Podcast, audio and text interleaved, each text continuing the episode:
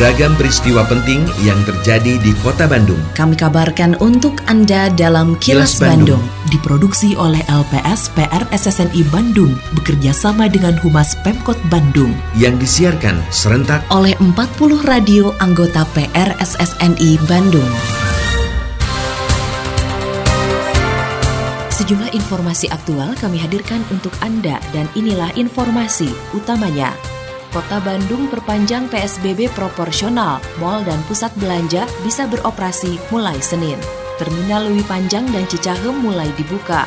300 ribu paket nasi telah dibagikan dalam program Sabandung. Saya Santika Sari Sumantri, inilah kilas Bandung selengkapnya.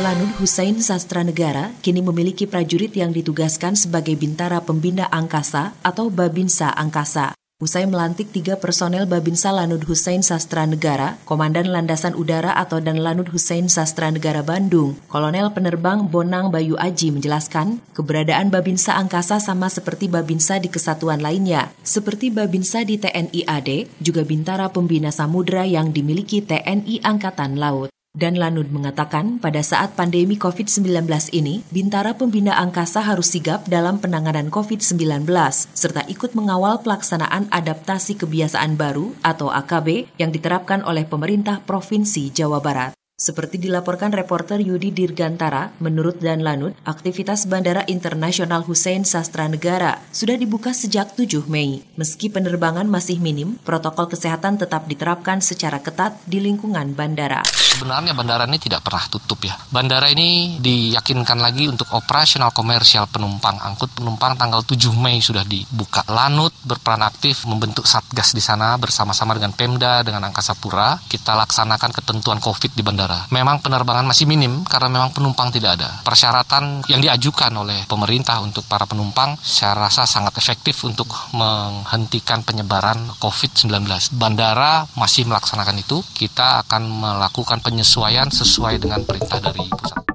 Pemerintah Kota Bandung memperpanjang penerapan pembatasan sosial berskala besar atau PSBB proporsional sampai 26 Juni mendatang. Keputusan itu merupakan hasil rapat terbatas Forkopimda Kota Bandung berdasarkan kajian pemerintah Provinsi Jawa Barat yang menyatakan Kota Bandung masih ada dalam zona kuning. Wali Kota Bandung Oded Muhammad Daniel mengatakan, jika Kota Bandung ingin lepas dari PSBB, maka harus naik ke angka 6 atau berada di zona biru. Oleh karenanya warga Kota Bandung diminta untuk disiplin dan mematuhi protokol kesehatan. Menurut Oded, meski Kota Bandung melanjutkan PSBB proporsional, ada perluasan pelonggaran bagi sejumlah sektor yang berlaku mulai Senin 15 Juni. Sejumlah sektor itu di antaranya pusat perbelanjaan, mal, hotel, dan sejumlah sektor pariwisata, namun masih dibatasi di angka 30 persen. Seperti dilaporkan reporter Evi Damayanti, Oded berharap dengan adanya pelonggaran di beberapa sektor, ekonomi di kota Bandung dapat kembali bergerak. Berdasarkan hasil kajian dari pemerintah provinsi Jawa Barat, kota Bandung masih berada pada zona kuning. Namun angkanya sudah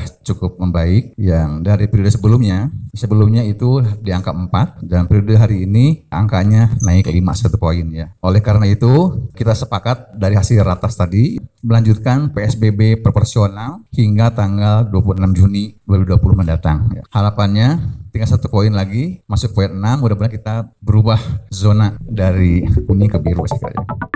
Aktivitas transportasi bus antar kota dalam provinsi di Terminal Lewi Panjang dan Terminal Cicahem kembali dibuka. Wali Kota Bandung Oded Muhammad Daniel secara resmi mengoperasikan kembali Terminal Lewi Panjang dan Cicahem pada Sabtu pagi tadi. Oded mengatakan rute perjalanan bus yang dibuka hanya untuk ke zona biru, hijau, dan kuning, meski tetap dengan pelaksanaan protokol kesehatan yang ketat. Hal ini dilakukan berdasarkan hasil evaluasi pelaksanaan pembatasan sosial berskala besar atau PSBB, sekaligus melakukan relaksasi harus bertahap agar kurva COVID-19 di kota Bandung tidak kembali naik. Ini yang pertama adalah dengan zona-zona yang masih merah di kota-kota lain itu belum kerja sama kita. Belum ada angkutan ke, eh, tidak terkoneksi dengan mereka ya, itu yang pertama. Tetap walaupun seperti itu karena ini sudah dibuka yang namanya ke Bandung ya, maka saya tetap ya kita semua harus memperhatikan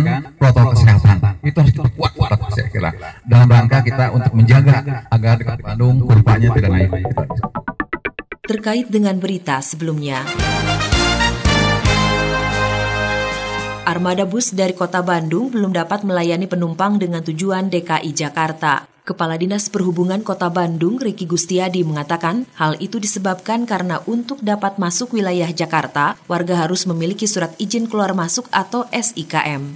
Menurut Riki, meski sudah kembali beroperasi, jumlah bus di Terminal Lewi Panjang dan Cicahem dibatasi hanya lima kendaraan yang beroperasi pada setiap trayeknya. Seperti dilaporkan reporter Evi Damayanti, Riki meminta pengelola dan awak bus menerapkan protokol kesehatan, di antaranya dengan memperlakukan kapasitas 50 persen, penyemprotan disinfektan dan penyediaan hand sanitizer. Selain itu, penumpang diimbau memakai masker dan tidak membayar tiket di atas bus. Di terminal Lui Panjang maupun Cicahem, kapasitas jalur yang ada itu diisi hanya lima kendaraan setiap trayek. Terus kemudian kapasitas angkut walaupun diizinkan oleh Kementerian Perhubungan 70% daya angkutnya tapi kita tetap mengacu pada Perwal nomor 32 2020 bahwa 50% daya angkut penumpang yang diperbolehkan berangkat di terminal Cicahem maupun di Panjang. Kemudian jaga jarak aman tempat duduknya. Kemudian juga sebelum keberangkatan si bis itu harus disemprot disinfektan baik di dalam maupun di luar kendaraannya. Terus kemudian juga harus disediakan hand sanitizer di dalam kendaraan, terus kemudian pakai masker si penumpangnya. Tidak ada transaksi di dalam bis, tidak ada bicara, diam, sudah aja berdoa sampai tujuan. Sejak digulirkan pada bulan Mei lalu, Gerakan Sanggu Bancakan Urang Bandung atau Sabandung telah membagikan sekitar 300 ribu paket nasi dengan sasaran masyarakat miskin dan yang terkena dampak COVID-19. Hal tersebut disampaikan Wali Kota Bandung, Oded Muhammad Daniel, saat melakukan monitoring pelaksanaan Sabandung di RW 02 Kelurahan Neglasari, Kecamatan Cibenying Kaler, Kota Bandung pada Jumat kemarin. Menurutnya dengan berjalannya gerakan Sabandung ini, masyarakat kota Bandung dinilai sudah cerdas dalam menyikapi dan mengambil hikmah dari pandemi COVID-19. Seperti dilaporkan reporter Yudi Dirgantara, Oded mengatakan, program Sabandung juga menjadi bukti bahwa masyarakat kota Bandung suka bergotong royong saling membantu kepada masyarakat yang tertimpa musibah. Sekarang sudah lebih dari 300 ribu paket makan di kota Bandung yang sudah dilaksanakan dalam rangka program Sabandung. Nah ini semua orang berharap mudah-mudahan ini merupakan indikator bahwa di kota Bandung, para kota Bandung sangat cerdas, cerdik di dalam mengambil hikmah dari COVID pandemi ini. Ya.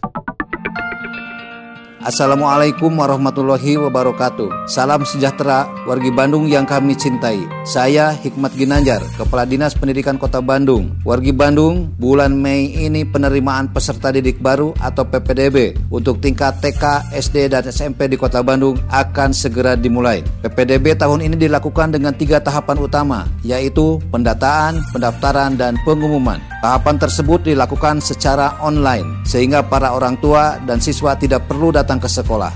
Ayo segera tanya informasi lengkapnya kepada wali kelas melalui telepon atau pesan di HP atau lihat informasi lengkapnya di website ppdb.bandung.go.id. Sekali lagi ppdb.bandung.go.id. Ayo daftar PPDB dari rumah. Pandemi COVID-19 yang saat ini melanda banyak negara di dunia, termasuk Indonesia, sangat berpengaruh besar terhadap sektor-sektor kehidupan masyarakat, tidak terkecuali sektor pertanian. Karenanya menurut Menteri Pertanian Syahrul Yasin Limpo, untuk menjaga agar pandemi COVID-19 ini tidak terlalu mengganggu kebutuhan dasar manusia, pihaknya konsisten untuk menjaga stok pangan. Seperti dilaporkan reporter Suparno Hadisaputro, Menteri Pertanian mengatakan, dengan daya tahan masyarakat melalui pertanian dan ketahanan pangan merupakan kekuatan bangsa Indonesia dalam menghadapi berbagai persoalan bahwa sebenarnya kepedulian kita menghadapi COVID dengan daya tahan masyarakat melalui pertanian dan ketahanan pangan adalah sesuatu kekuatan dari negeri ini, dari masyarakat yang jumlahnya besar di dalam menghadapi berbagai masalah-masalah kehidupan ke depan.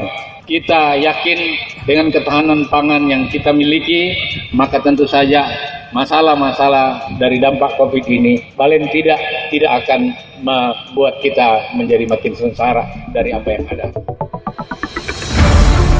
Kini, audio podcast siaran Kilas Bandung dan berbagai informasi menarik lainnya bisa Anda akses di laman kilasbandungnews.com. Terima kasih Anda telah menyimak Kilas Bandung bekerja sama dengan Humas Pemerintah Kota Bandung yang diproduksi oleh LPSPR SSNI Bandung.